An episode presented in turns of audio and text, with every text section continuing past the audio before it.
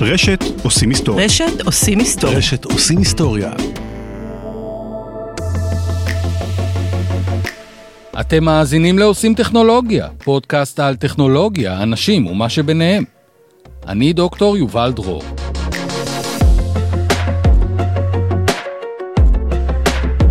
היום פרק נוסף בשיתוף Applied Materials, ובו החלק השני של השיחה שלי עם אמיר בר, מנהל מחלקת פיתוח אלגוריתמים ב-Applied Materials ישראל.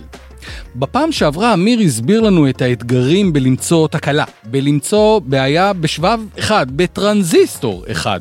אם עוד לא האזנתם לו, האזינו לו עכשיו. זה יעשה לכם סדר. אמיר, בפרק הקודם דיברנו הרבה על נמלים. נמלים, נמלה אחת שאנחנו מחפשים במנהטן, והסברת לי בעצם שאתה לא רואה את הנמלה, אתה מחפש סיגנל. אם אני מבין נכון, המשמעות היא שבעולם שלכם, סיגנל הוא הכל. אני צודק? לגמרי. אם אין סיגנל, אין אלגוריתמיקה. צריך קודם כל לגרום ש... שאותה נמלה, שהיא תשנה משהו ככה ש... ש... שהגלאי של המיקרוסקופ יקלוט שינוי של כמה רמות אפור, ואז אז יש מה לדבר. יש קצת סיגנל, אפשר להתחיל לעבוד, יכול להיות שהוא טובע בהמון רעש, הוא... איך תמיד- באמת, איך, אוקיי, נניח שיש סיגנל, פתרתי את הבעיה, זאת אומרת, יש סיגנל, כנראה שיש תקלה, נפתרה הבעיה, אני מבין שלא. לא, מהפנים שלך אני מבין שלא, שזה לא פותר את הבעיה. למה לא בעצם? לא, בהחלט לא. הבעיה שאנומליה, אה, שינוי של כמה רמות אפור ממה שציפיתי, זה לא בהכרח תקלה. יש המון דברים שמשנים אה, את הרמות אפור בין הצ'יפ הנוכחי לצ'יפ הקודם, וזה לאו דווקא תקלה. הקושי האמיתי הוא לנסות לבנות מודל שיודע לחזות האם השינוי ברמות אפור שקיבלתי בגלאי הוא מהווה תקלה שמעניינת אותי. כי רוב הווריאציות שאנחנו רואים בתמונות הן לא מעניינות. לא מעניינות. לא מעניינות. זאת אומרת, למרות שיש שם שינוי, ואני, כמי שרק מתחיל בתחום, אומר לך, אמיר, תראה, יש פה שינוי בהשוואה לאיך שזה אמור להיראות, תשלח מיד את המיקרוסקופ האלקטרוני, יש שם תקלה. אתה מסתכל עליי ואומר לי, בוא, ילד, תקשיב, זה נכון, יש פה שינוי, זו לא תקלה. נכון. אני יודע להגיד לך שאני ראיתי את השינוי הזה בעוד, בעוד עשרת אלפים נקודות אחרות. ואני יודע להגיד לך, תקשיב, זה, הווריאציה הזאתי היא וריאציה סטנדרטית. וריאציה סטנדרטית. וריאציה סטנדרטית, שלא למש- מצביעה על נמלה. כן, אולי, אולי, אולי השבבים, כמו שאמרנו בפרק הקודם, הם לא נראים אותו דבר, אבל הם עדיין תקינים, הם עדיין עובדים. זאת אומרת, התהליך ייצור עכשיו גרם לזה שאולי עובי השכבה טיפה השתנה במקום מסוים, ויכול להיות אפילו על גבי אותה פרוסת סיליקון, שני שבבים, אחד ליד השני, שינוי של כמה ננומטרים בעובי השכבה. אתה רואה את זה כרמות אפור, אבל מבחינת השבב, השבב תקין, אין בעיה. זאת אומרת, גם כשאתה מזהה משהו שנראה כמו תקלה, אתה צריך להבין שזו לא. הסיפור של רעש בתוך העולם שלכם הוא סיפור דרמטי. איך מונעים את הרעש הזה? זאת אומרת, האם המיקרוסקופים שלכם יודעים לבודד את הרעש הזה? קודם כל, אנחנו עושים כל מה שאפשר על מנת לצמצם את כמות הרעש בתמונה, אם זה בלבנות מערכת מאוד מאוד שקטה, ואם זה להשתמש במודים אופטיים של המיקרוסקופ, שלמעשה יגרמו לזה שהרעש יהיה יותר נמוך. מה ו- יכול לגרום לרעש? למשל, כשאתה אומר רעש, אתה מתכוון ממש לרעש פיזי אגב, או ל- ל- ל- לאיזה רעש אנחנו מדברים? אז יש כל מיני רעשים, יש רעשים של המערכת עצמה, אוקיי. הגלאי עצמו גם בחושך מוחלט עדיין יש לו קצת וריאציה, אוקיי. אבל יש רעשים אה, של, של התהליך עצמו. הקו המוליך הוא, הוא לא באמת ישר, הוא בערך ישר, הוא קצת, אה, קצת רוקד לו בקצוות, וכל כזה שינוי הוא גורם במערכת מאוד מאוד רגישה, הוא, גם הוא יגרום לשינוי של כמה רמות אפור, והשינוי הזה יראה כמו, כמו וריאציה שיכול להיות שהיא דומה מאוד לאותה וריאציה שאתה מחפש. אתה יכול לתת לי אה, אה, סדר גודל של על איזה דרגה של בידוד אתם מגיעים? כל המערכת האופטית היא יושבת על איזה שולחן ענקי, כבד, שמבודד את המיקרוסקופ מכל הסביבה החיצונית. אם אנחנו לא נשים את זה, המשאית שעושה רוורס בחנייה, היא תרעיד את הבניין ברמה כזאת שהתמונה שלי תרקוד קצת. אה, רגע, רגע, רגע. יש לי מפעל. במפעל יש חנייה. לחנייה נכנסת משאית. המשאית לוקחת רוורס, וזה ישפיע על התמונה שאתה מקבל בחדר שבו נמצא המיקרוסקופ? לגמרי. בעולם הננומטרי, אפילו פלדה היא כמו גומי. מהבחינה שזה גמיש? זה גמיש, זה גמיש. אתה לא רואה שזה גמיש, כי זה עולם ננומטרי, אבל גם החומרים הקשיחים ביותר והכי, והכי חזקים שאנחנו עובדים איתם, בעולם הננומטרי הם מתנהגים כמו גומי. הם זזים, הם רוקדים, יש לך פרוסת סיליקון, היא צריכה לנוע מתחת למיקרוסקופ, והפרוסה הזאת היא מייצרת, מייצרת את הכוחות, וצריך לבודד את כל הכוחות האלה על מנת שהתנועה היחסית בין המיקרוסקופ לפרוסת הסיליקון תישאר כל הזמן, כל הזמן aligned. זה אתגר מאוד קשה למהנדסי מערכת לדאוג ש... שהתמונה תהיה כמה שיותר שקטה. כמה תמונות אה, לוקח מיקרוסקופ כזה בדקה, בשנייה, אני לא יודע מה סדרי הגודל, על מה אנחנו מדברים? אה, בוא נגיד שבפרוסת סיליקון, ברזולוציה של מיקרוסקופ אופטי, יש בערך 10 בחזקת 13 פיקסלים. אוקיי. זה 1 ו-13 אפסים. והוא מצלם כל פיקסל? כן. למכונה יש גם איזה מחשב על שמחובר אליה, אוקיי. שנועד לאבד את אותם 1 ו-13 אפסים אחריו של פיקסלים תוך uh, כמה דקות, אז זהו, זה ובסוף בדיוק- להגיד פה, פה יש פגם, פה אין. אוקיי, עכשיו בעצם אנחנו מגיעים לעולם שלך. כי המיקרוסקופים עשו את שלהם, הם צילמו, העבירו מידע, ועכשיו אתה בעצם, אתה והאנשים שלך צריכים לפתח פתרונות כדי אה, לפענח את התמונות האלה ו-to make sense בהם. איזה סוג של אלגוריתמים אתם מפתחים? קודם כל, אתה לא תמיד יודע מה אתה מחפש. זאת אומרת, אם אני אראה לך תמונה... אני מחפש את הנמלה, אמיר, את נכון, הנמלה אבל מהפרק אם אני אראה הקודם. לך תמונה, אתה לא תראה נמלה שם. נכון, זה הרי גוונים של אפור. אתה תראה גוונים של אפור, ואתה תראה שהנמלה שינתה, יש איזה פיקסל אחד, או, או קבוצה קטנה של פיקסלים, שפתאום הם קצת יותר בהירים, או קצת יותר חשוכים ביחס למה שהיה בשבב אחר, ואתה תגיד, אה, נראה לי זה נמלה. אוקיי. פה אנחנו מגיעים לכל העולם של אלגוריתמיקה, שמרגע שנוצרת תמונה, עכשיו אני צריך שיטה, שבהינתן תמונה, אני יודע לסמן תוך כמה דקות איפה כל הנקודות החשודות על גבי התמונה הזאת, ולשלוח את המיקרוסקופ אלקטרונים לשם. עכשיו, אין לנו שיטה אחת שפותרת את הבעיה. ה constraints של הבעיה הם שמצד אחד ה signal טובע בהמון רעש, אוקיי? כמו שאמרנו, שינויים בתמונה לא בהכרח יעידו על זה שיש שם פגם. ומצד שני, יש לי גבול כמה מחשוב אני יכול לשים על הבעיה הזאת, אוקיי? עכשיו אתה- אתה... הכנסת לי עכשיו פה משתנה חדש. מה זאת אומרת כמה מחשוב אני יכול לשים על הבעיה הזאת? אנחנו הזכרנו קודם שיש לנו 1 ו-13 אפסים אחריו של פיקסלים. נכון. עכשיו, בוא נגיד שמצאתי אלגוריתם שיודע לפתור את הבעיה ברמה טובה, אבל הוא מאוד מאוד יקר מבחינה חישובית. זאת אומרת, על מנת לעשות את כל החישובים הנדרשים ולהגיע לתוצאה בכמה דקות על כזאת כמות אדירה של פיקסלים, אני צריך לשים מחשב על של מדינה בינונית. משהו כזה, כן. אוקיי. לכן, השיטה שלנו מורכבת משכבות אלגוריתמיות, שבה כל שכבה, המטרה שלה זה לטייב את ההחלטה של השכבה הקודמת. זאת אומרת, אני אקח אלגוריתם, שהוא נגיד הוא טוב, אבל הוא לא מצוין, והוא הוא יקבל החלטה על כל הפיקסלים, ויגיד, טוב, זה מעניין, זה לא מעניין. עכשיו, את כל מה שהוא יגיד, זה אולי מעניין, הוא מעביר לשכבה אלגוריתמית שנייה. השכבה האלגוריתמית השנייה, היא תגיד, אוקיי, שמעתי אותך. קיבלתי. עכשיו, אני אעשה חישוב אחר, החישוב שלי יותר טוב, יותר מדויק, משתמש ביותר נתונים, ביותר... ואני מגיע להחלטה עוד יותר טובה.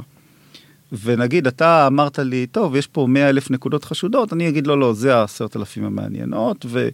ואז יש עוד אלגוריתם אחר שיגיד, לא, זה, זה החמשת אלפים הבאמת מעניינות, וככה וככה וככה, הלאה, ו- פלוס יש גם עוד את השכבה שקיימת במיקרוסקופ האלקטרונים, שאמרנו שגם הוא, מקבל החלטות. איך אמרת, הוא לא טמבל. הוא לא טמבל. הוא לא טמבל. אז, אוקיי. אז גם שמה יש לנו עוד שכבה שמקבלת החלטות, והיא זאת שבסוף היא נותנת את התוצאה הסופית. בעצם מה שאתה אומר לי, שמה שמאפשר את כל הקונסטרוקציה הזאת, מה שמאפשר את כל המפעל הזה של לבדוק פגמים, הוא לא המיקרוסקופ, הוא האלגוריתמיקה.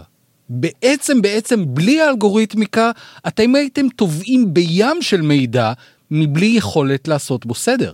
נכון. עכשיו אני לא רוצה לריב עם חבריי הפיזיקאים כמובן שהם יגידו שהמיקרוסקופ הכי חשוב אבל אה, אבל בהחלט אין אה, אם לא היינו בונים מערכת כזאתי שיודעת שיודעת לתת פתרון בעלות סבירה על ידי אופטימיזציה של הרבה שכבות אלגוריתמיות שמטייבות החלטות אחת של השנייה למעשה המיקרוסקופים היו צריכים להימכר במחירים הרבה יותר גבוהים שגם ככה הם מאוד גבוהים. וזה היה פוגע משמעותית. אתה, אתה זוכר שברעיון המקדים, אני אמרתי לך אייפון כל פעם, כל פעם שיוצא אייפון חדש, אז האייפון עולה אלף ומשהו דולר. המחיר נשאר קבוע. המחיר נשאר קבוע. עכשיו, אמרת לי, כן, שאלתי אותך, אבל איך זה יכול להיות שהמחיר נשאר קבוע? אז אתה אומר לי, הזמן עובר. כן. לא, לא, לא.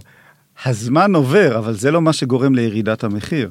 המחיר יורד בגלל שכל השרשרת הטכנולוגית שאחראית לייצר ולבדוק, הצליחה להתייעל בצורה כזאת, שעכשיו עברו שנתיים, ואתה יודע עכשיו לעשות שבב שהוא יותר קטן, עם ביצועים יותר טובים, עם פחות צריכת אנרגיה, באותו מחיר. ואז המחיר של האייפון נשאר קבוע והביצועים עולים עם הזמן. אבל זה לא קורה רק בגלל שהזמן עובר. אתה אמרת לי, אה, דיברנו על זה קודם לכן, שאתם פועלים בעולם שבו אתם לפעמים צריכים להודות שלפניכם אזור שאין משוואה שיכולה לתאר מה קורה בו. נכון? הרי אנחנו מדברים עכשיו על משוואות, על אלגוריתמיקה.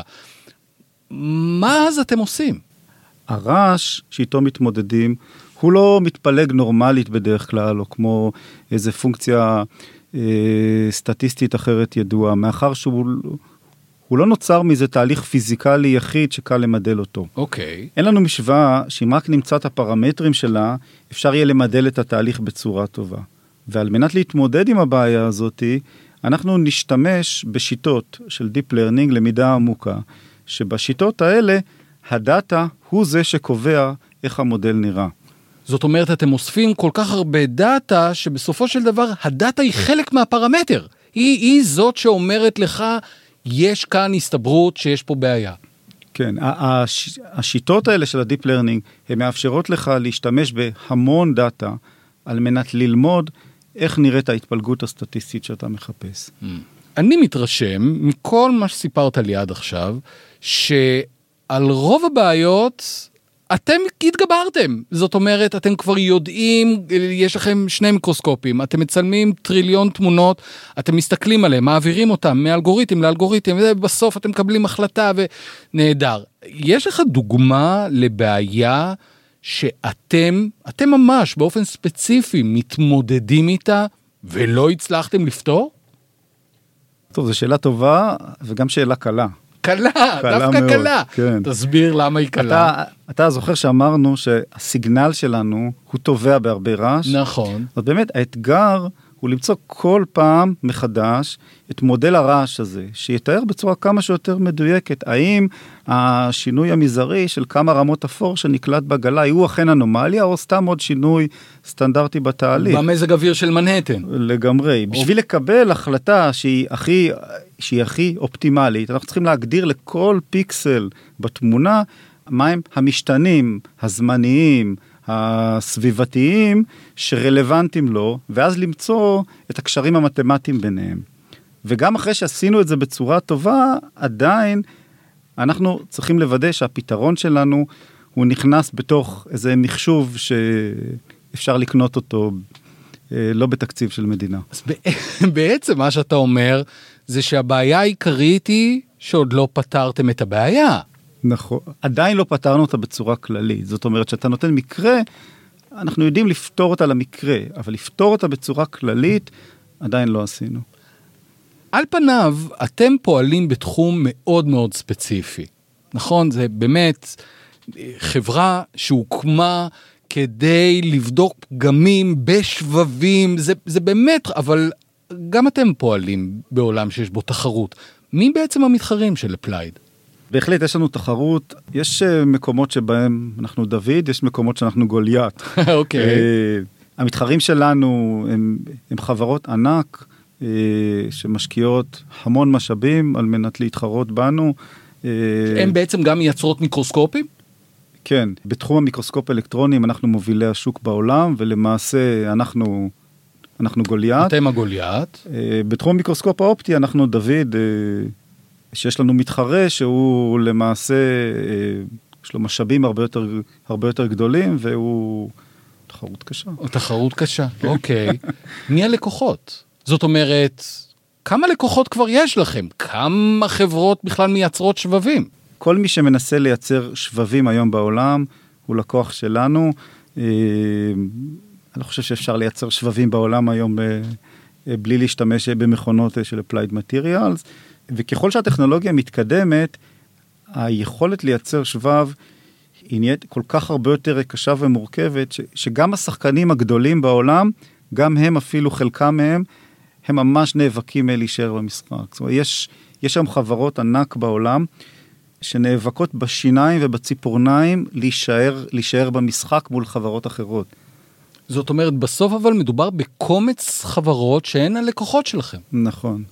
והחברות האלה, בתקופה הזאת של הקורונה, יש להם לא מעט בעיות עם שרשרת האספקה שלהם, נכון? נכון. מה זה אומר בעצם? מאיפה הבעיה מגיעה? מי שעוקב בחדשות הוא שומע שלא מעט אה, חברות רכב פשוט העמידו את קווי הייצור שלהם ולמעשה הפסיקו לייצר, וזה בגלל שאין להם שבבים. אין להם שבבים. אין להם שבבים. התעשייה לא עומדת, לא עומדת בדרישה.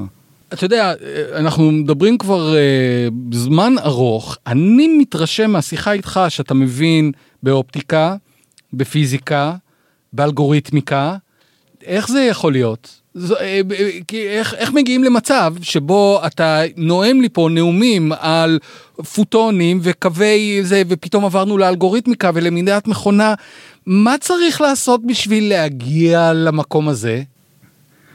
טוב, אז קודם כל אני, אני אגיד, אנחנו חברה הכי מולטי דיסציפלינרית שיש. המוצרים שלנו הם לדעתי המוצרים הכי מורכבים שיש בתעשייה הישראלית, לפחות בתעשייה האזרחית. אה, המערכות הן מולטי דיסציפלינריות. עם כל הכבוד לידע שלי, יש ב Applied עובדים אה, חוקרים ומדענים מהשורה הראשונה, ואני יכול להגיד שהיה לי מזל לאורך השנים לעבוד איתם אה, וללמוד מהם הרבה. מה אתה למדת, ריבונו של פתח תקווה? לא.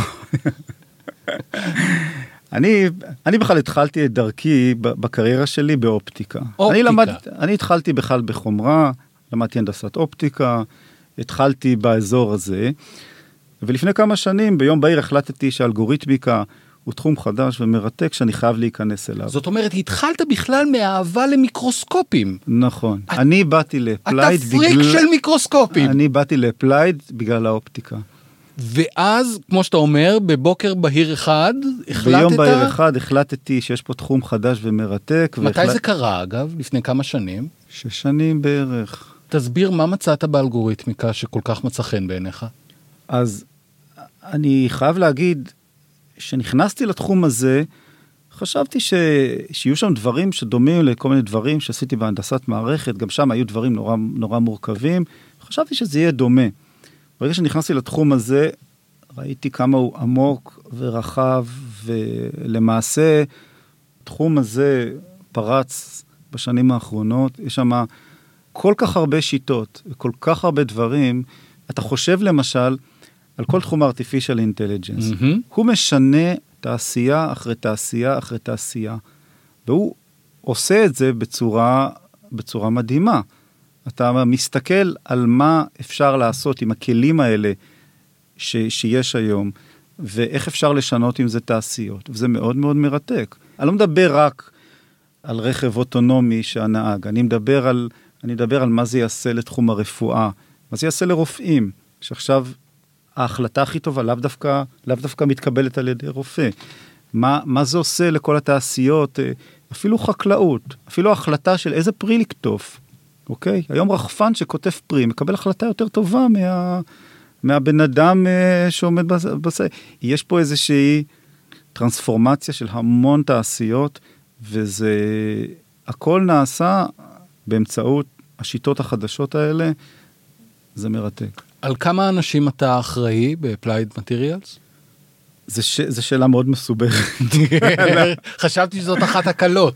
לא, לא, זה, זה, שאלה, זה, זה שאלה מאוד מסובכת. על כי... כמה אלגוריתמיקאים אתה אוקיי. אחראי? אז אני, אז אני אחראי על כ-20 אלגוריתמאים. יש לנו כמה קבוצות שמתעסקות גם ב computer vision, גם ב machine learning, גם עוד צוות שמתעסק ב data science, אה, ויש ב Applied בערך אה, כ-70 אלגוריתמאים. הפסקתי לספור באיזשהו שלב. מה הפרופיל שלהם? איזה סוג של אנשים אה, מגיעים אליכם? אנחנו מחפשים אנשים כמובן עם השכלה רלוונטית, תואר שני ושלישי. אני חושב שכמעט כולם במחלקה הם תואר שני ושלישי. הרקע המרכזי, הנדסת חשמל, מדעי המחשב, אבל יש גם עוד מדעים מדויקים. חוץ מזה יש גם גוף תוכנה ענקי, שכולל כמה מאות של מהנדסי תוכנה, שמפתחים הרבה תשתיות, front-end, back-end, אופטימיזציה, על מגוון גדול של, אה, של חומרות, מבוססי CPU ו-GPU ו-Embedded. אה, אני חושב שיש אצלנו הכל. אז אם אני רוצה, אחרי ששמעתי את כל האתגרים הפסיכיים שאתם מתמודדים איתם, אה, לבוא ולעבוד אצלכם, מה אני צריך לעשות בשביל להרשים אותך? כי אני אה, לא בטוח שאני יכול גם להיות אופטיקאי, גם פיזיקאי וגם אלגוריתם, אני לא בטוח שאני יכול להיות כמוך. מה אני צריך לעשות בשביל להרשים אותך? אה, אז כמובן חוץ מהשכלה רלוונטית, אנחנו רוצים אנשים שמאוד אוהבים טכנולוגיה ומעודכנים בשיטות הכי עדכניות שיש, ו, וכל הזמן אוהבים ללמוד ולהתקדם. עוד משהו שהוא גם קשור למורכבות, מי שעובד אצלנו חייב לדעת לעבוד בשיתוף פעולה הדוק עם אה, חוקרים ומפתחים אחרים. הבעיות הן כל כך מורכבות שבדרך כלל אי אפשר לפתור את הבעיה לבד. אתה חייב להשתמש בצוות של אנשים שכל אחד מביא תחום של ידע קצת אחר, ורק ככה מצליחים בעצם אה, להתקדם בפתרון בעיות. מה שאתה אומר זה אם אתם רוצים לעבוד אצלנו, תהיו נחמדים לפיזיקאים, תהיו נחמדים לאנשי האופטיקה, זה לא עובד אחרת. וגם תהיו נחמדים לכל החוקרים האחרים, גם בתחום האלגוריתמיקה. אמיר בר, מנהל מחלקת פיתוח אלגוריתמים ב-Applied Materials, תודה רבה ששימשת עבורנו מדריך לעולם הבאמת משוגע, העולם הננומטרי שבו אתם עוסקים. עד כאן פרק נוסף של עושים טכנולוגיה, פרק בשיתוף Applied Materials. תודה לעורך ולמפיק שלנו, גיא בן נון, למנכ"ל דני תימור ולעורך הראשי, רן לוי. אני דוקטור יובל דרור, ניפגש בפעם הבאה.